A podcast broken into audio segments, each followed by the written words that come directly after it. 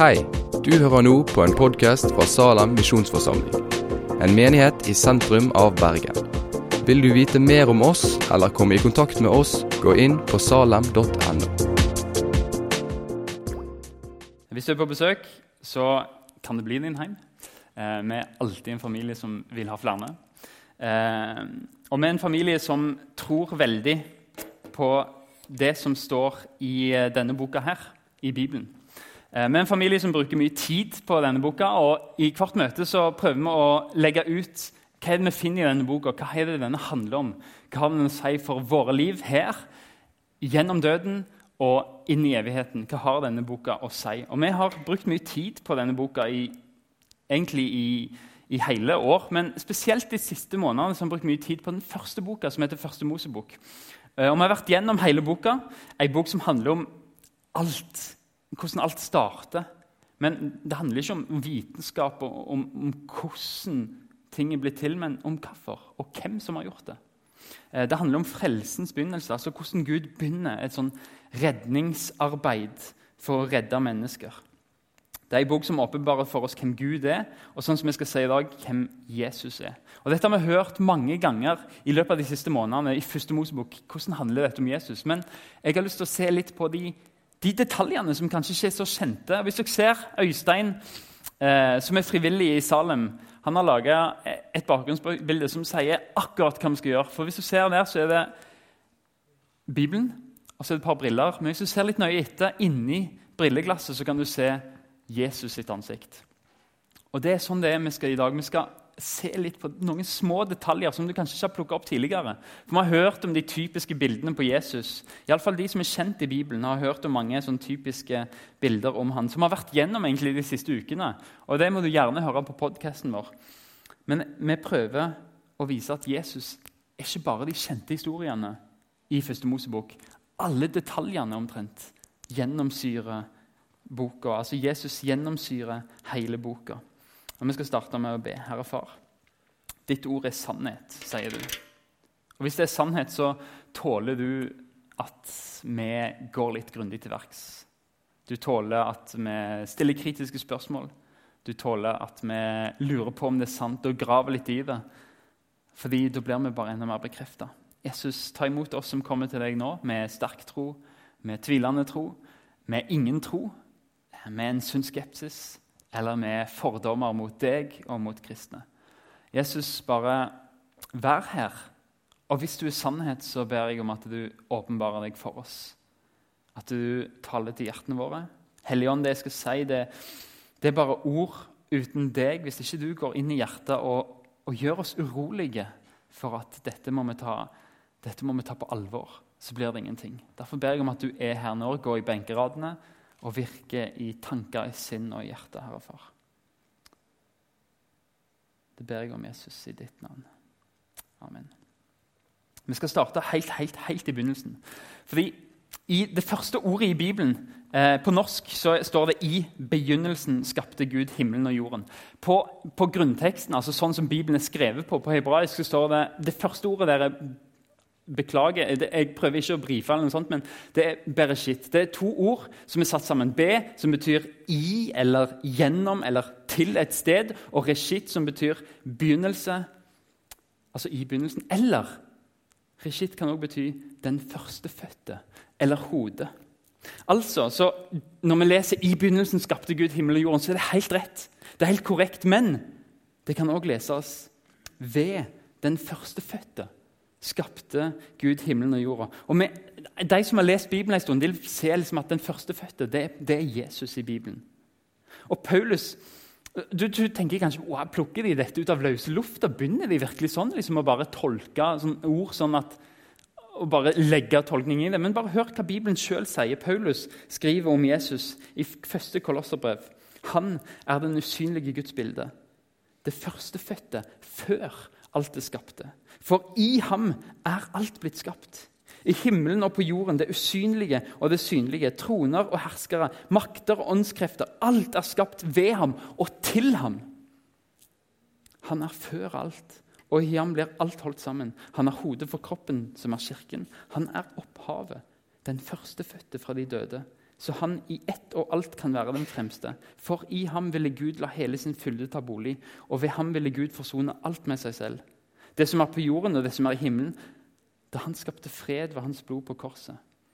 Vi møter Jesus helt, helt, helt i starten på Bibelen. I begynnelsen. Han var der. Gud skapte, det.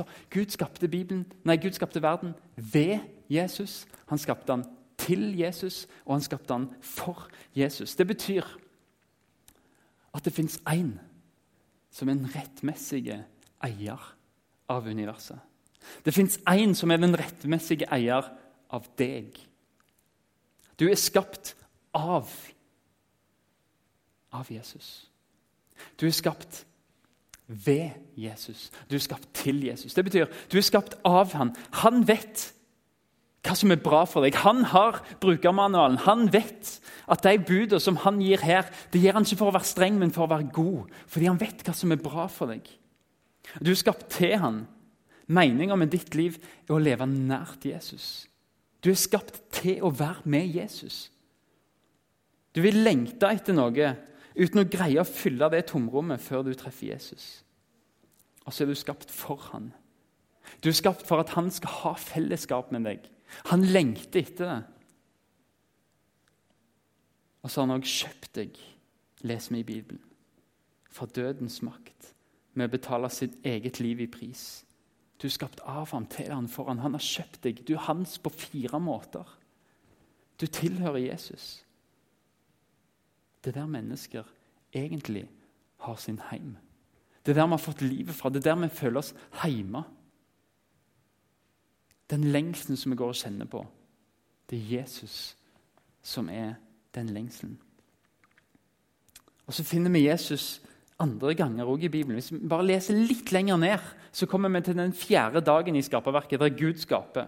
I 1. Mosebok 1,14 så sa Gud det skal bli lys på himmelhvelvingen til å skille dag fra natt. Det skal være tegn for høytider, dager og år. Det skal være lys på himmelhvelvingen og skinne over jorda. Og det ble slik.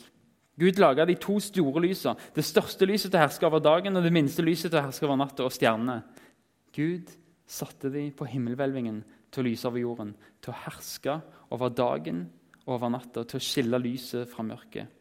Og Gud så at det var godt. Hvor finner vi Jesus her? Første gang jeg så dette, så tenkte jeg wow, Gud har en plan. Gud, Gud hadde plan hele tida. For det står her om det står om høytider. Hvorfor i all verden skal Gud skape sol og måne for at de skal være vitne om høytider? Han har ikke skapt mennesket engang ennå. Det er ingenting å feire. Det er ingen som har noen ting å feire. Ikke en eneste høytid. Likevel så skaper Gud sola og månen for at de skal være tegn for høytider. Kanskje har noen tatt koblingen allerede. Men det viser at Gud hadde en plan. Han visste at det skulle komme høytider. Vet du hvordan vi feirer påske i dag? Og hvordan egentlig jødene òg feirer påske, den påsken som, som Gud ga? Første påskedag er første søndag etter fullmåne, etter våre hjemdøgn. Den natta den dagen og natta er like lang. Sol og månen bestemmer hva tid er det vi feirer påske. Sånn har det alltid vært. Jødene også regna påsken ut ifra sola og ut ifra månen. Og Gud visste det. Vi innretter oss etter dem sånn som Gud mente da han satt dem på himmelen og sa at disse skal vise hva tid de skal feire høytider. Gud hadde en plan hele tida. Gud hadde en plan. At en dag så trenger menneskene å bli frelst. De trenger å bli berga. Og det skal jeg gjøre ved å sende Jesus min sønn, sånn at han tar deres straff på seg. Og Det skal skje i påsken, og de skal feire påske, fordi frelsen er noe som er verdt å feire. Og de skal feire det, og det er sola og det er månen som skal bestemme hva tid de feirer det. Hva betyr det for oss, da? Det betyr at vi har en Gud som tar initiativ. En Gud som vil frelse. En Gud som før vi i det hele tatt var skapt, før du var påtenkt, og før du i det hele tatt har gitt et ønske om å bli kjent med Gud, så har han gjort alt klart. Det er typisk Gud. Han elsker å møte deg og tilby deg sine gode gaver, sin velsignelse, før du i det hele tatt innser at du trenger dem, at du har lyst på dem. Før du innser at jeg trenger å bli dratt opp av mørket, av denne brønnen som jeg har bare sunket ned i. Og før du innser det, så er Gud der med hånda og sier 'Jeg vil dra deg opp'. Han strekker hånda si ned til oss før vi i det hele tatt får tenkt på å rope etter hjelp. Han er sånn. Og Det betyr at du kan komme til Gud akkurat sånn som du er. Fordi han er allerede klar til å ta imot deg. Du kan komme til og med med en agenda. Du kan tenke ok, greit. Kanskje hvis jeg kommer til Gud, så blir jeg helbreda. For denne sykdommen, for disse smertene. Kanskje kan Gud gi meg håp. Og kanskje kan Gud gi meg lys. Kanskje kan han gi meg fellesskap fordi jeg er ensom, eller glede fordi jeg er trist eller deprimert. Og Han vil møte deg. Men vit én ting om Gud. Vi kommer, og vi tror vi vet hva vi trenger. Men Gud vet så mye mer. Og han vil gi deg mer enn det du ber han om. Du tror du ber om de viktigste tingene, og det føles oppriktig talt sånn ut for oss. Men hvis vi kommer til Jesus med en agenda, og det er du hjertelig velkommen til, å komme til Jesus og bare prøve å kjenne om han faktisk er god. Men hvis du gjør det, så vil du oppleve at du treffer en Gud, en far, som gir deg så uendelig mye mer. Og Det er derfor David skriver i salmene 'smak'. Han bare ber deg bare smak. Kjenn at Herren er god. David hadde prøvd det. Og Paulus skriver i Feserbrevet 3 han som virker i oss med sin kraft og kan gjøre uendelig mye mer enn det vi ber om og forstår. Det er sånn Paulus beskriver Gud. En som kan gjøre uendelig mye mer enn det vi ber om og forstår. Han vil gi deg uendelig mye mer enn det du spør han om. Det er en kar i Bibelen som var lam, og han kom til Jesus og spurte om helbredelse. Og Jesus, så svarte Jesus, 'Sønn, syndene dine er tilgitt.' Og det kan vi hva det, hva du snakker om, Jesus? Hva du holder på med? Jeg spør om å bli frisk, og du kommer og tilgir mine synder. Jesus viser jeg vil gi deg så uendelig mye mer enn det du spør om. Du spør om en bitte liten ting for universets herre. Jeg som har skapt alt. Det er skapt ved meg og til meg og for meg. Og så spør du meg om jeg kan helbrede deg. Selvfølgelig kan jeg det. Men jeg vet at du trenger noe mer. Jeg vet at du har et større problem enn denne sykdommen, og jeg vil gi deg det fordi jeg elsker deg så uendelig høyt. Jeg vil gi deg tilgivelse. Helse er viktig, ja. Men det å være tilgitt av Gud Det er så langt mye viktigere. Dette livet er viktig. Men det aller viktigste du gjør, det er å sørge for at du kommer inn i det evige liv på andre sida av døden. Det er den helbredelsen Jesus ser at du trenger. Og Du kan gjerne komme til Jesus og spørre om hva det enn skal være, men han er god, han vil møte deg med mer hvis du bare vil ta imot. Og hvem er bedre til å bedømme hva du trenger, enn han som har skapt deg? Han som du er skapt av, for og til. Og Han vet at hvis du blir helbredet, så vil du bli syk igjen. Han vet at hvis du blir får håp, så vil du bli redd igjen. Du vil bli frykt igjen. Vil, han vet at du vil, hvis du får glede, så vil du bli bitter igjen. Men han vet òg at hvis du får Gud til far, hvis han får tilgitt deg, så vil du ha en som aldri går vekk fra de sida, uansett hvor sjuk du måtte bli, uansett hvor bitter du måtte bli, eller hvor håpløst livet måtte se ut, så har du en som aldri forlater deg fordi han har tilgitt deg og er med deg og elsker deg. Det er det du trenger. En som kan bære deg gjennom alt det. I stedet for at du må få en quick fix og bære det sjøl, så trenger du en som kan bære det for deg. En Gud som går med deg. Det er det du trenger i alle tilfeller. Det er det du trenger for tid, og det er det du trenger for evighet. Jesus sier, 'Jeg elsker deg'. Du kommer til meg og ber om håp, om lys, om helbredelse. Og kom gjerne, velkommen. Jeg kommer med åpne armer, men jeg vil gi deg mye mer. Jeg vil gi deg frelse. Jeg vil gi deg tilgivelse.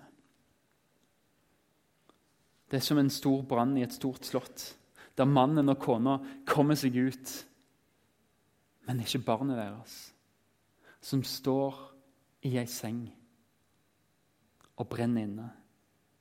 Og frykten skjærer gjennom sjelene deres. Det er ingenting som kan trøste dem. Og En nabo kommer og sier du, nå har vi fått ut kommoden deres og alle de flotte klærne deres og hylla med alle de verdifulle bøkene dine i. Men svaret deres ville vært du, gutten min er livsfare. Og De tror barnet kommer til å dø i brannen, men så blir han båret ut av vinduet og lagt inn i fanget deres. Og de får takke Gud for at han blir berga, selv om absolutt alle andre eiendeler går tapt. Så er de i takknemlighet fordi barnet ble berga. Og når en person når, når, sjelen din er i fare, når, når du står i fare for å møte døden uten å kjenne Jesus, så er det ingenting som kan tilfredsstille. Ikke om du har lykkes i karriere, ikke om du har lykkelige barn, men om du har Jesus, han som du er skapt av, for og til. Han som er den eneste som kan frelse. Når du blir helbreda så vil du bli syk igjen. Du vil dø. Når du får håp, så kan det være du mister det igjen. Når du får lys, så kan det være du går gjennom mørket igjen. Men når du blir tilgitt, så er du som en vedkubbe som blir henta ut av ilden. Og Nå mister de daglige byrdene all sin vekt, og hjertet fylles av lovsang. Det er fordi tilgivelsen av synden er den største trøsten for frykten mot død og alt annet. Gud viser oss jeg har en høytid klar jeg, lenge før dere er skapt. Han er så klar til å møte deg og gi deg så uendelig mye mer enn det du spør om. Ikke lur på hvordan du må komme til Jesus. Ikke lur på hvordan kan jeg ta imot han, fordi han står allerede klar og vil ta imot deg. La oss få hjelpe deg med å fortelle hvordan han tar imot deg, hvis du har lyst til det. Hvis du har lyst til å, jeg har lyst til å bli tatt imot av Jesus, så kom til oss. Gå i forbønn etterpå. Snakk med noen om det. Kom fram og snakk med oss som er her framme på scenen. Så vil vi vise deg hvordan Jesus tar imot. Det står om Jesus mange andre ganger i første Mosebok. Vi leser om Kain og Abel, og der kan vi stoppe opp, for det er et vers som skriker. Bokstavelig talt, det skriker. Kain Første, de første brødreparet, Kain og Abel. Kain har drept Abel pga. misunnelse. Og Gud konfronterer han, for han vet hva som har skjedd. For Det står i 1. Mosebok 4,10 at Abels blod på bakken det roper opp til Gud og anklager Kain. Sånn er det med alt vi ser. Når vi ser på nyhetene barn som lider, og vi ser krig som er totalt unødvendig, og vi ser folk lide, så roper vi Gud, du må gripe inn her. Det er noe urettferdig som skjer, og Gud hører. Når Abels blod roper til Gud. For Gud er rettferdig, og han dømmer alltid rettferdig. Han skal alltid gjøre det. Hver gang noe urettferdig skjer, så vil det skrikes mot Gud etter urettferdighet. Eller etter rettferdighet. Og Gud vil gripe inn. Og Han gjør det med Kain. Han, han jager Kain på flukt og erklærer ham for fredløs. Han griper inn og straffer fordi Gud er hellig. Gud er dommer. Kain hadde gjort noe, og det ropte opp til Gud. Og Kanskje kjenner vi det sånn av og til når vi gjør noe gale. Noe som ikke er i tråd med, med Guds ord. Noe som ikke stemmer overens med Bibelen. Når vi gjør noe urettferdig, når vi skader andre mennesker fysisk eller psykisk eller sosialt eller åndelig så er det noe som er gjort som, som skriker etter rettferdighet og straff. For vi kjenner det i vår samvittighet. Det er et eller annet som knyter seg. Se her hva du gjorde. For en fæl person du er. Du er du, Hvem er du for en? Hvem vil ha noe med deg å gjøre? Du som baktaler og lyver. Det som er alvorlig med disse beskyldningene, det er at de er sanne. Og Gud vet det. Og du vet det. Og dommen over synd som Bibelen snakker om, den er sann og rettferdig. Og det er samvittigheten vår vitner om. Og det er realiteten vi lever i. Vi kjenner at åh, 'jeg er ikke god nok'. Når Gud er rettferdig, og jeg er urettferdig, hvordan kan jeg bli en kristen? Hvordan kan jeg ha fellesskap med den guden? Jeg, jeg er ikke prektig sånn som de andre kristne. Jeg greier ikke dette. Eller kanskje roper vi hø høyere til Gud sjøl. Vi prøver liksom å rope Men Gud, jeg gjør nå noe godt innimellom. Så kommer samvittigheten inn og sier ja, men du faller alltid i samme felle, og du gjør den samme feilen om igjen. Ja, men Jeg skal prøve å skjerpe meg så godt jeg kan. Holder ikke det? Bare, du, du, kommer aldri til å greie det. Du kommer til å tabbe deg ut. Og det hører samvittigheten og det vi har gjort, rope mot deg og være et vitnesbyrd mot deg. Og så mister vi motet litt etter litt. Vi kan ikke vinne den ropekonkurransen fordi det vi har gjort galt, det roper høyere. Og vi kjenner det, og vi blir nedbrutt, og samvittigheten knuser oss. La meg lese noen herlige vers til dere om hva som skjer når vi kommer til Jesus. Når vi roper til Jesus i stedet for å prøve å rope oss sjøl opp. Hebreerbrevet 12, 23 og 24. Dere kom til en dommer som er alles Gud. Til åndene av de rettferdige som har nådd fullendelsen. Til Jesus, mellommannen for en ny pakt.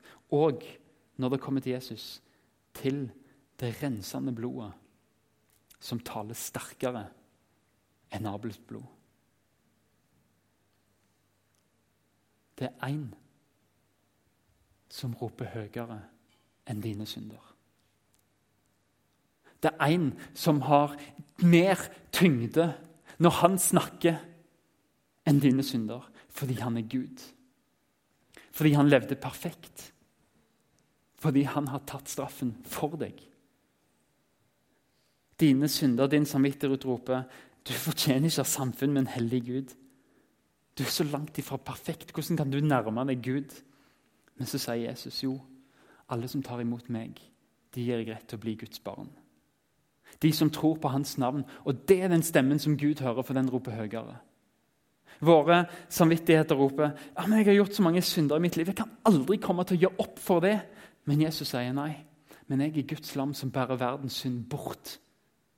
Alle som tror på meg, skal få tilgivelse for syndene i mitt navn. Han roper høyere, og Gud hører han. Og vi roper at dette fortjener jeg på ingen som helst måte. Jeg er et forferdelig menneske. Og Jesus sier nei, men ufortjent og av min nåde blir de kjent rettferdige. Jeg ble stilt frem av Gud for å være soningen for den som tror. Slik viste Gud sin rettferdighet.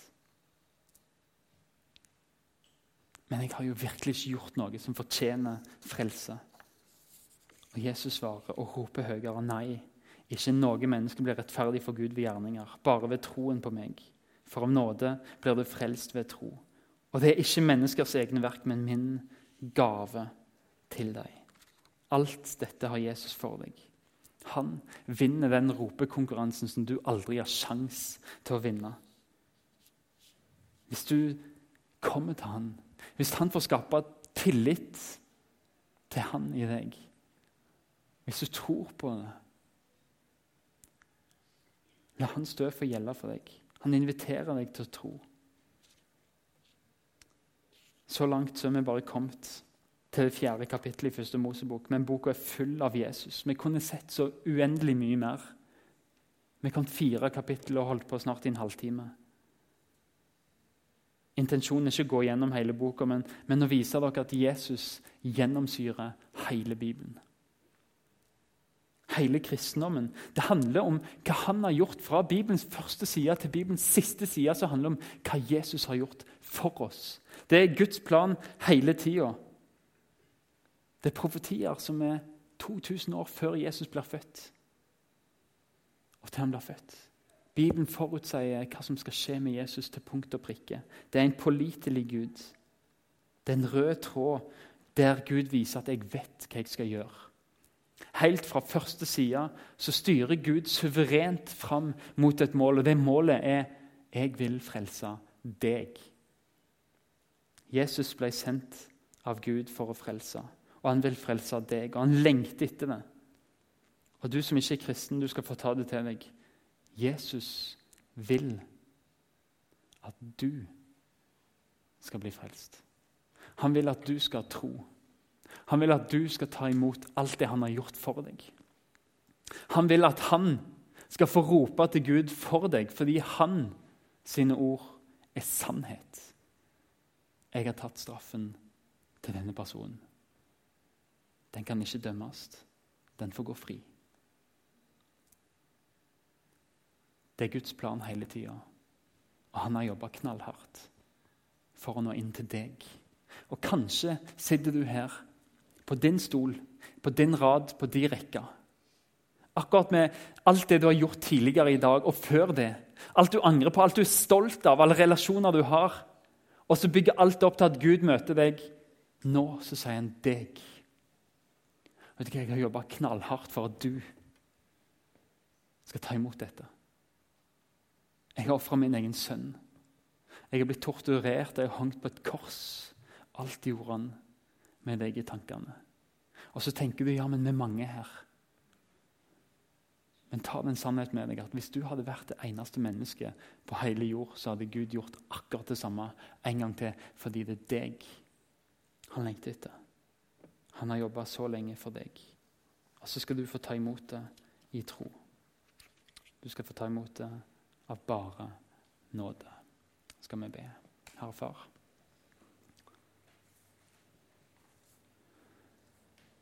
Vi blir små når vi ser alle de store planene som, som du har hatt forbindelsen av. Vi blir små når vi ser hvor rettferdig du er, og hvor hellig du er, og hvor mange feil vi gjør. Vi blir små når vi innser at eneste måten å komme hjem igjen til deg på, det å bli tilgitt. Vi har ingenting å komme med. Men Gud, du gjør oss store med å si at alt det du har gjort, det var for oss. Alt det du har planlagt, du tenkte på oss. Alt det du ville gjøre, ville du gjøre fordi du elsker oss. Gud, vi er små, og vi er i mørket. Og så erfarer vi din kjærlighet som gjør oss så store og så viktige i dine øyne at du velger å dø på et kors for vår skyld. Gud, hjelp oss til å få flere med inn i den storheten, Jesus. Inn og se at vi er elska. Inn og se at vi er tilgitt. Inn og se at vi er verdifulle fordi du elsker oss. Du har skapt oss. Gud, jeg vil være din. Jeg vil at du skal være min. Og Takk for at du tar imot meg med åpne armer. Jeg vet ikke hvordan det ser ut for hver enkelt av de som sitter her. Men Jesus, jeg ber nå om at hvis du er her og taler til mennesker, så gjør det urolige Jesus fram til de åpner sitt hjerte til deg. Takk for at vi ikke trenger å gjøre noe, men, men du står med åpne armer. Bare la oss få åpne oss for deg og få ta imot det du vil gi oss. Og takk for at nådens dag er nå. At vi kan ta imot deg her og nå. Det fins ikke et bedre tidspunkt, det fins ikke et bedre sted enn nå og her.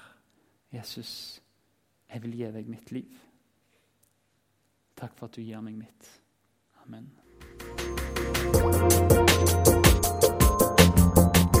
Takk for at du har hørt på podkasten fra Salem, Bergen. I Salem vil vi vokse i et stadig dypere fellesskap med Gud og med hverandre. Vi vil være Jesu hender og føtter, og vi vil være med å forkynne frelse for Bergen og resten av verden. Besøk oss gjerne på salem.no om du vil vite mer.